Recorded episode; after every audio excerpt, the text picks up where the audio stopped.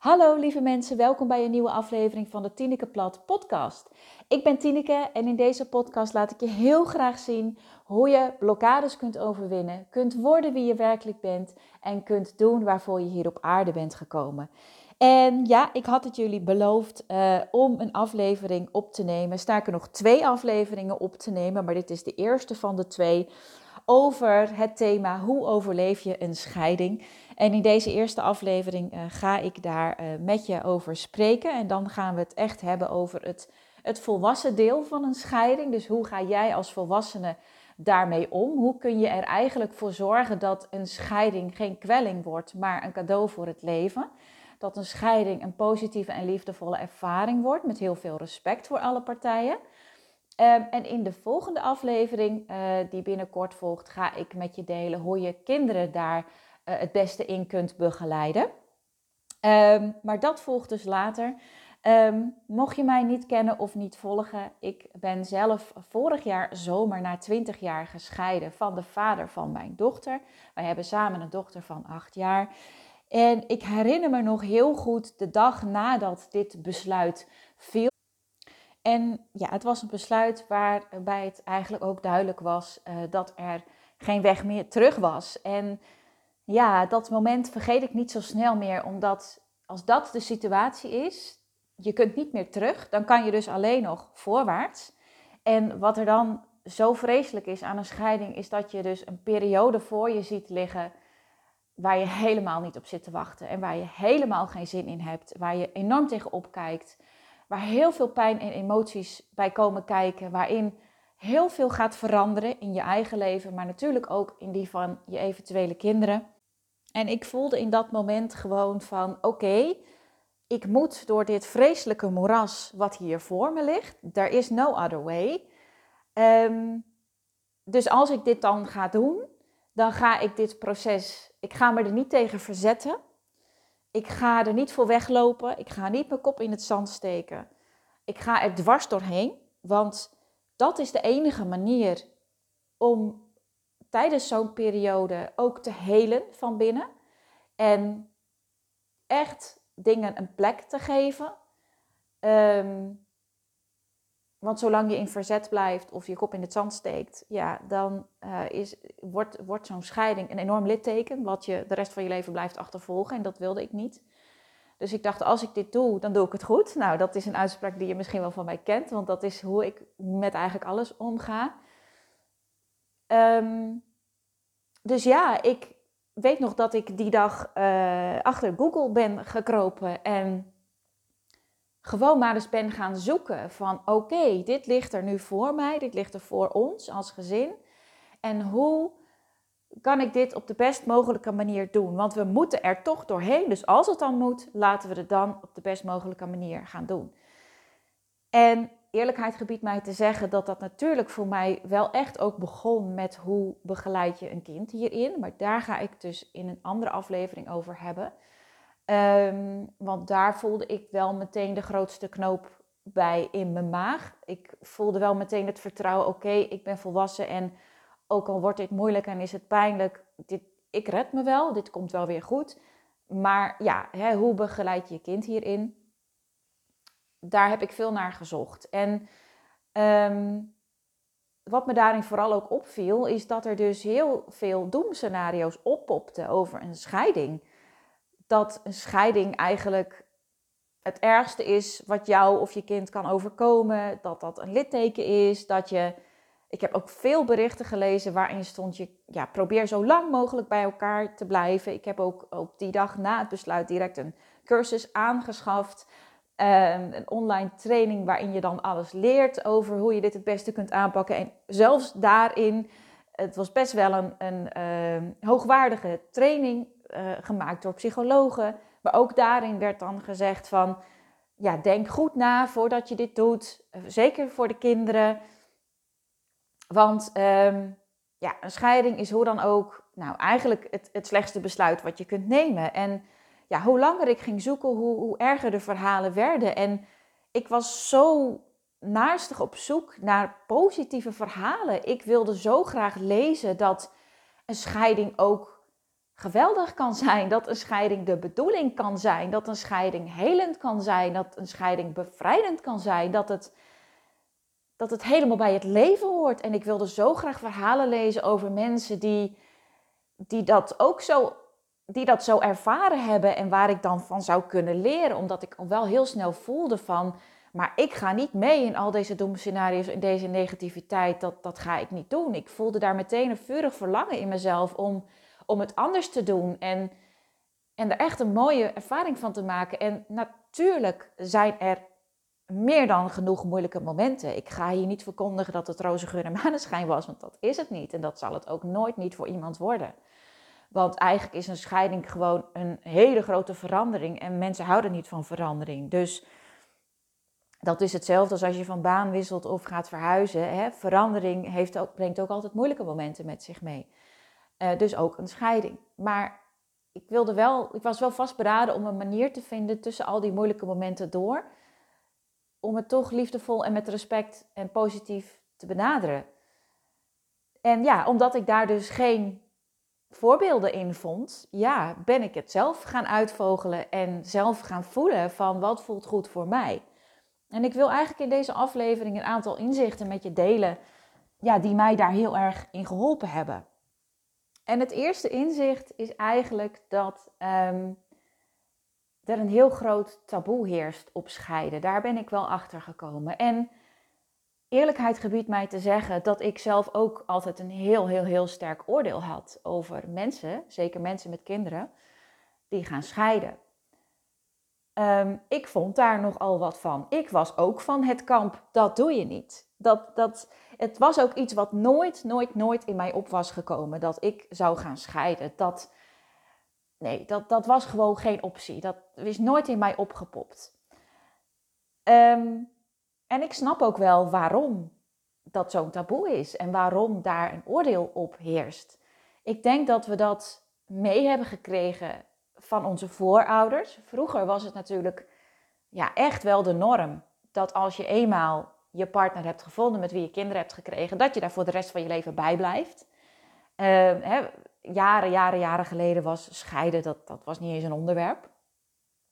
Maar het is wel steeds meer een onderwerp geworden en het is ook toenemend. Ik verwacht ook dat scheiden nog meer gaat gebeuren in de toekomst. Maar nog steeds zit er een heel negatief label op. Um, kinderen van gescheiden ouders, die uh, worden toch vaak anders aangekeken. En ook de ouders zelf worden vaak anders aangekeken. En nogmaals, ik, ik, ik was zelf ook zo iemand die daar best wel kritisch naar keek. En dat komt dus enerzijds door dat maatschappelijke label wat we daar opplakken. Hè. Dat, dat heeft ook te maken met um, kreten als vind de liefde van je leven. En dat je bij het altaar moet zeggen tot de dood ons scheidt. Ehm, we krijgen het voorbeeld dat, dat je e-, echt de, de liefde moet vinden waar je voor altijd bij blijft. Ook door de televisie. Kijk maar naar programma's als Married at First Sight of Prince Charming of eh, The Bachelor. Uh, ik noem maar even iets. Dat zijn allemaal programma's die ons leren dat de liefde iets is wat je eenmaal moet vinden in het leven en daar blijf je dan bij. Plus dan dus ook nog het voorbeeld van onze voorouders. Met daarbij het taboe wat er dus heerst op scheiden. Dat is een ideale cocktail om van een scheiding iets vreselijks te maken. Om daar een vreselijk label op te plakken. En ja, ik voelde dus al heel snel van ja, maar dat, dat scheiden, zou dat ook gewoon normaal kunnen zijn? Zou het gewoon normaal kunnen zijn dat je gaat scheiden? En ja, ik ben er dus achter gekomen, ja, dat kan. En waar dit ook mee te maken heeft, dat dit zo sterk is, is. Um, ja, ik heb de afgelopen jaren veel gewerkt met mensen die vastliepen in het leven, in hun werk. En de reden dat we dingen niet veranderen in het leven, dat is dat kan zijn voor een baan, of dat kan zijn inderdaad voor een relatie, of dat kan gaan over je huis of je vriendschappen. De reden dat we dingen niet veranderen is altijd angst. Angst is altijd de basis waarom we niet veranderen, terwijl we wel andere dromen of wensen hebben. Maar veranderen is moeilijk omdat we bang zijn. Nou, en angst bestaat uit een heleboel verschillende lagen, maar tot op heden heb ik gedacht dat de grootste angst die ons allemaal vasthoudt in relaties, in huizen, in banen, waar we eigenlijk al lang niet meer gelukkig van worden, dat is financiële angst. Dat is heel vaak een reden dat we blijven zitten waar we zitten, ook al zijn we daar niet meer blij. Totdat ik ging scheiden en erachter kwam dat er iets anders is, wat ons nog veel meer op de plek houdt waar we zitten, en dat is de liefde. En nu klinkt het misschien alsof de liefde iets negatiefs is, en dat is het zeker niet. De liefde is prachtig en als mens, een van onze basisbehoeftes is liefde. Geliefd, je geliefd voelen, van je gehouden worden, dat, dat is een basisbehoefte. Dat, dat hebben we als we geboren worden, dus daar is helemaal niks mis mee. Maar de liefde is wat mij betreft alleen echte liefde als het voor beide partijen dienend is. En ik ontdekte dus dat niet eens financiële angst vaak de reden is dat we blijven zitten waar we zitten, maar dat het de angst is om de liefde te verliezen. En dat we daarom heel vaak in relaties blijven die al lang niet meer dienend zijn voor een van beide partijen. Maar toch gaan we dan heel veel concessies doen en ons aanpassen omdat we zo, zo, zo bang zijn om die liefde te verliezen en te gaan scheiden. Dus dit zijn allemaal dingen die ik ontdekte en waarvan ik dacht, ja, ik begrijp wel waarom scheiden zo'n negatief label heeft. En waarom het zo'n pijnlijke ervaring kan zijn als je er op deze manier naar kijkt. Als je door de bril gaat kijken van dit hoort niet, dit is niet goed, ik heb gefaald, ik, hè, ik, ik, voldoe niet aan het plaatje, um, het is mislukt, um, ik ben niet goed genoeg, hè? gevoel van afwijzing, gevoel van jaloezie, allemaal dat soort negatieve gevoelens. Als je dat er overheen plakt, ja, dan wordt het een intens zware ervaring voor je. Maar ik besloot dus om door een andere bril te gaan kijken. En wat me daarin heel erg geholpen heeft, is dat je dus niet hoeft te voldoen aan dat plaatje. Je hoeft niet te voldoen aan dat plaatje van het standaard gezin of de standaard relatie. Je mag op een bepaald punt in je leven je gevoel volgen en je hart volgen en authentieke keuzes maken en beslissen dat misschien nu wel een moment is aangebroken dat jij liever alleen door het leven gaat. Of dat jij liever alleenstaande ouder bent. Of dat jij, wat het ook is, alleenstaand zijn of alleenstaande ouder zijn, heeft vaak een heel erg een slachtofferlading eronder zitten. Maar waarom? Dat, dat, dat, dat is ook een label wat we erop plakken. Het mag ook gewoon een keuze zijn dat je op dit moment in je leven voelt van een relatie is niet meer mijn way to go. En ik vind het op dit moment fijner om alleen te zijn. Daar is helemaal niks mis mee. Ook niet als je kinderen hebt. Daar ga ik dus in de volgende aflevering nog over delen hoe ik daarnaar kijk. En wat me ook daarin geholpen heeft, is een belangrijk besef.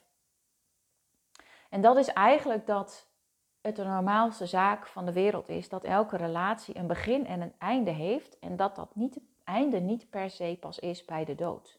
Dat kan wel. Er is niks mis met relaties die hè, het diamanten label halen of, of goud of zilver of koper. Ik weet het allemaal niet precies. Dat is prachtig. Als dat zo is, dan is dat zo, mits het dienend is voor beide partijen. Maar als het niet meer dienend is voor beide partijen, dan is er een einde gekomen aan de relatie. En je mag een relatie ook zien als een ontwikkelingsreis. Zeker als je voor je dertigste samen bent gekomen met iemand, dan ben je dus eigenlijk nog niet volwassen. En dan mag je het eigenlijk zo zien dat er twee kinderen bij elkaar zijn gekomen. Want je bent nog niet volwassen, dus ben je eigenlijk nog kind. Ook als je 16 of 18 of 20 bent. Theoretisch gezien, qua ontwikkeling, ben je dan eigenlijk nog een kind. En een kind handelt vanuit tekorten of dingen die hij gewend is uit zijn of haar opvoeding. Dus zeker bij relaties die op jongere leeftijd tot stand komen, voor je dertigste, is het vaak zo dat er eigenlijk twee kinderen samenkomen. Dus stel dat jij een vader hebt gemist, dan ga jij in een relatie op zoek naar iemand die vadereigenschappen heeft. Stel dat jij uh, je vaak afgewezen voelde door je moeder, dan ga jij op zoek naar iemand die dat kan compenseren. Dus, en zo zijn er talloze voorbeelden te noemen. En zeker in deze situaties waarin een relatie dus tot stand komt, eigenlijk vanuit het onderbewustzijn, dus het is een unconscious relationship. Het tegenovergestelde is een conscious relationship, kom ik zo nog even op. Maar een unconscious relationship is dus eigenlijk gebaseerd op je onderbewustzijn. En je onderbewustzijn is je programmering die je als kind hebt meegekregen. En als je daar dus iemand bij gaat zoeken, dan gaat het dus altijd over een ontwikkeling die je nog hebt door te maken, iets wat je gemist hebt. En daar is niks mis mee, hè? dat hebben we allemaal. Ouders geven ons alles wat ze kunnen geven en dan zeggen we dankjewel. En ouders geven ons ook alles wat we zo graag hadden gewild, maar niet hebben gekregen. Elke ouder geeft al het mooie en ook al het minder mooie. Want niemand is perfect. Dus we lopen allemaal tekorten op. Dat zegt niks over de kwaliteit van jouw ouders of jouw opvoeding. Dat lopen we allemaal op. En natuurlijk loopt de ene wat meer tekort op dan de ander, maar we lopen allemaal tekorten op. En als je dus op jonge leeftijd samenkomt, dan ga je een relatie zoeken op basis van die tekorten. En in dat soort situaties is het dus de normaalste zaak van de wereld dat als die tekorten zijn opgeheven in die relatie, en je bijvoorbeeld in het geval van je hebt vroeger een vader gemist, je hebt een partner gevonden die die vaderrol vervult, en jij bent in de loop van die relatie ontwikkeld, waardoor jij geen vaderrol meer nodig hebt, uh, want je bent zelf volwassen geworden, dan is die relatie tot zijn einde, want de ontwikkeling is voltooid. En als je dan op dat, zo'n, dat soort relaties het label gaat plakken van tot de dood ontscheidt, de liefde van je leven, je mag nooit meer uit elkaar gaan, ja, dan wordt het nog een hele zware reis tot de dood je scheidt. Want het ontwikkelingsproces is gewoon voorbij. En dit klinkt misschien heel plastisch om op deze manier over relaties en de liefde te spreken, maar dit is wel heel vaak hoe het in elkaar zit. En het, de andere kant is natuurlijk de conscious relationship, die je kunt aangaan als je wat meer richting die 30 of daarna gaat. En een conscious relationship gaat heel erg over een zielsconnectie. En dat is een hele andere vorm van een relatie waarin er een andere uitwisseling ook plaatsvindt van geven en ontvangen. Daar zit een andere stroming achter.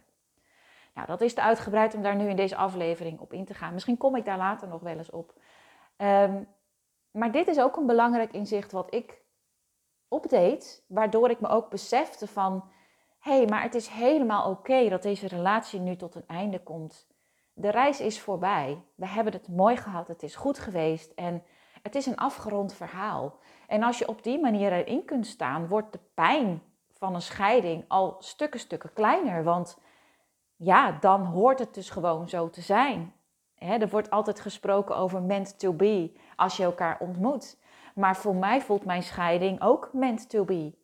Het is in dit geval de bedoeling, het is meant to be, dat wij op dit punt weer uit elkaar gaan. En misschien komt er weer een nieuwe liefde, dat kan. Maar hè, wat ik, ik, wil, ik, zeg dat omdat ik niet uh, de boodschap wil uitdragen dat ik iets tegen heb op de liefde. Nee, zeker niet. De liefde is prachtig. Maar het is ook normaal dat liefde soms overgaat en dat er geen match meer is. En het ligt nooit aan die ander of aan jouzelf. Um, het ligt altijd aan dat het niet meer goed in elkaar klikt. En dat kan allerlei oorzaken hebben. Maar als je dat gaat ontkennen, dat het eigenlijk niet meer in elkaar klikt en je blijft dus uit angst voor verandering, blijf je dus in zo'n relatie omdat jij die dekmantel van liefde nodig hebt om jou veilig en zeker te voelen in je leven, dan doe je eigenlijk jezelf tekort. En dat is ook wat ik uiteindelijk ging voelen door mezelf op deze manier, met deze mindset, toe te staan om anders in zo'n scheidingsproces te staan. Dat ik een enorme luik voelde opengaan met bevrijding. En dat zegt niks over de ander. Dat zegt gewoon iets over het feit dat het een afgerond verhaal was. En dat er ruimte mag komen voor een nieuw hoofdstuk, voor een nieuwe bladzijde. Die jij weer helemaal mag gaan invullen zoals dat fijn is voor jou. En wat mij betreft maakt het daarbij dus helemaal niet uit of je dan nog voldoet aan het plaatje. Natuurlijk heb ik ook veel pijn gehad van het verlies van het gezinsplaatje zoals we dat opgelegd krijgen. Maar voor mijn gevoel heb ik nog steeds een gezin, alleen dan in een andere vorm. Waarbij we niet meer hoeven te voldoen aan het standaard plaatje, maar waarbij we dus nog steeds wel in verbinding staan met elkaar. En misschien ehm, wel beter dan toen we nog wel moesten voldoen aan dat plaatje. En dat zorgt er dus voor dat er heel veel stroming op gang komt van liefde en positiviteit en respect. Alle kanten op, ook richting kinderen. Ja, en dat is echt, dat gun ik iedereen. Dat is, dat is, daar ben ik ontzettend dankbaar voor dat dat gelukt is in onze situatie. Want dat geeft een heel fijn fundament onder zo'n lastige periode, want dat is het. Het gaat met ups en downs en het zijn fikse pieken en dalen. Daar ontkom je niet aan. Maar als daaronder zo'n zo'n fijn bed ligt van positiviteit, transparantie, elkaar dingen gunnen, geven en nemen, respect, liefde, ook in zekere vorm, nog steeds liefde, maar dan in een andere vorm. Ja, dat, dan maakt een scheiding veel draaglijker en dan zal je ook makkelijker in staat zijn om die heftige verandering, die emoties die erbij komen kijken, het mentale proces, maar ook het praktische proces en de begeleiding van je kinderen, om dat veel beter te kunnen handelen. En nog een extra tip daarbij is om echt jezelf toe te staan, om alles, alles, alles wat je voelt, helemaal door te maken, helemaal te voelen. Wat ik heel vaak zie bij mensen die uit elkaar gaan, of het nou met of zonder kinderen is, is dat de communicatie slecht gaat, dat het via de kinderen wordt gespeeld, dat elkaar niks meer wordt gegund, dat je ja, wraak gaat nemen, dat je bepaalde acties gaat uitzetten omdat je gekwetst bent.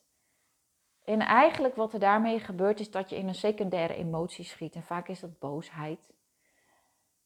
Terwijl je eigenlijk naar de primaire emotie toe mag, die daaronder verstopt zit, maar die vaak te moeilijk is om te voelen. En primaire emotie is meestal verdriet. Als je gaat scheiden, heb je gewoon heel veel verdriet. Heel veel verdriet. Of jij nou degene bent die gekwetst is of niet. Of je nou degene bent die het geïnitieerd heeft of niet. Er is verdriet. En zolang je niet naar dat verdriet toe gaat. Want een primaire emotie duurt eigenlijk maar 90 seconden. En als je die kan toelaten op elk moment dat het komt, dan maak je jezelf schoon van binnen en dan ben je de wond aan het helen. Als je in de secundaire emotie schiet, boosheid, is meestal boosheid, dan dek je die wond af met een pleister, maar wordt er helemaal niks geheeld. En secundaire emoties kunnen jaren en jaren en jaren duren. Dat is waar programma's als De Rijdende Rechter en Het Familiediner opteren. Dat zijn allemaal mensen die boos blijven en niet naar de primaire emotie toe gaan. Dus het overleven van een scheiding heeft te maken met een stabiele basis waarin je vanuit liefde en respect handelt en daarbovenop je eigen emoties helemaal aangaat. Helemaal doorvoelt, want dat heelt de wond. En dat je niet gaat handelen vanuit, ja, vanuit woede of elkaar pijn gaat doen. Zeker als je kinderen hebt. Dat, dat is waarom, denk ik, het internet vol staat met berichten over dat scheidingen schadelijk zijn voor kinderen. Dat komt omdat heel veel mensen wel in die verkeerde stand schieten en elkaar pijn gaan doen. En dat is het ergste wat je een kind aan kunt doen. Daar ga ik echt nog uh, uitgebreid uh, uh, over spreken in de volgende aflevering. En het laatste wat ik je nog mee wil geven, als jij nu misschien in twijfel bent of je wel of niet moet scheiden. Um, een, een goede liefdesrelatie, een gezonde liefdesrelatie, daarin moet de ander een aanvulling zijn op jouw leven en geen opvulling.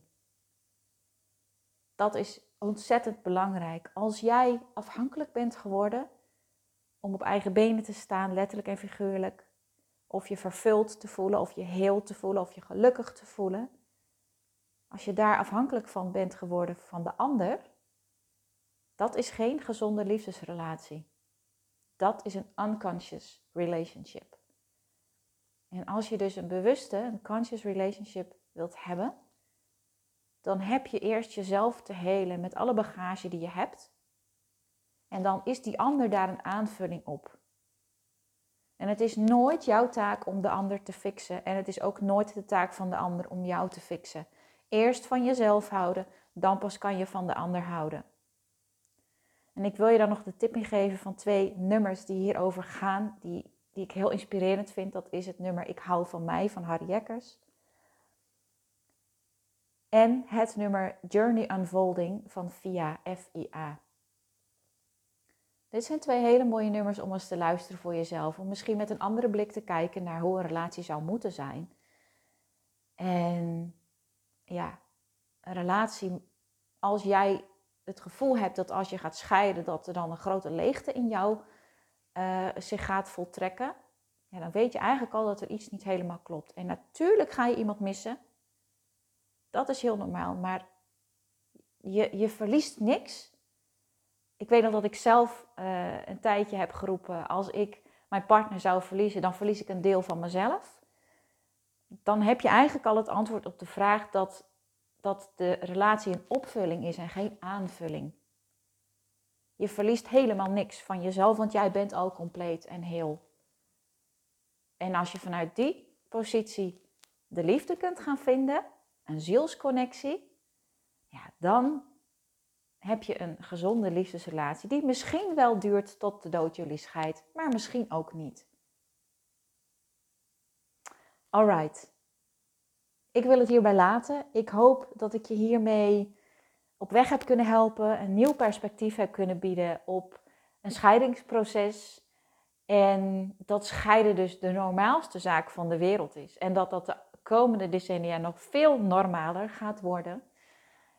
En dat er dus een manier is om hier zelf een standpunt in te nemen, waardoor je vanuit liefde, respect en positiviteit met elkaar in verbinding blijft, maar dan op een andere manier dan volgens het maatschappelijke plaatje.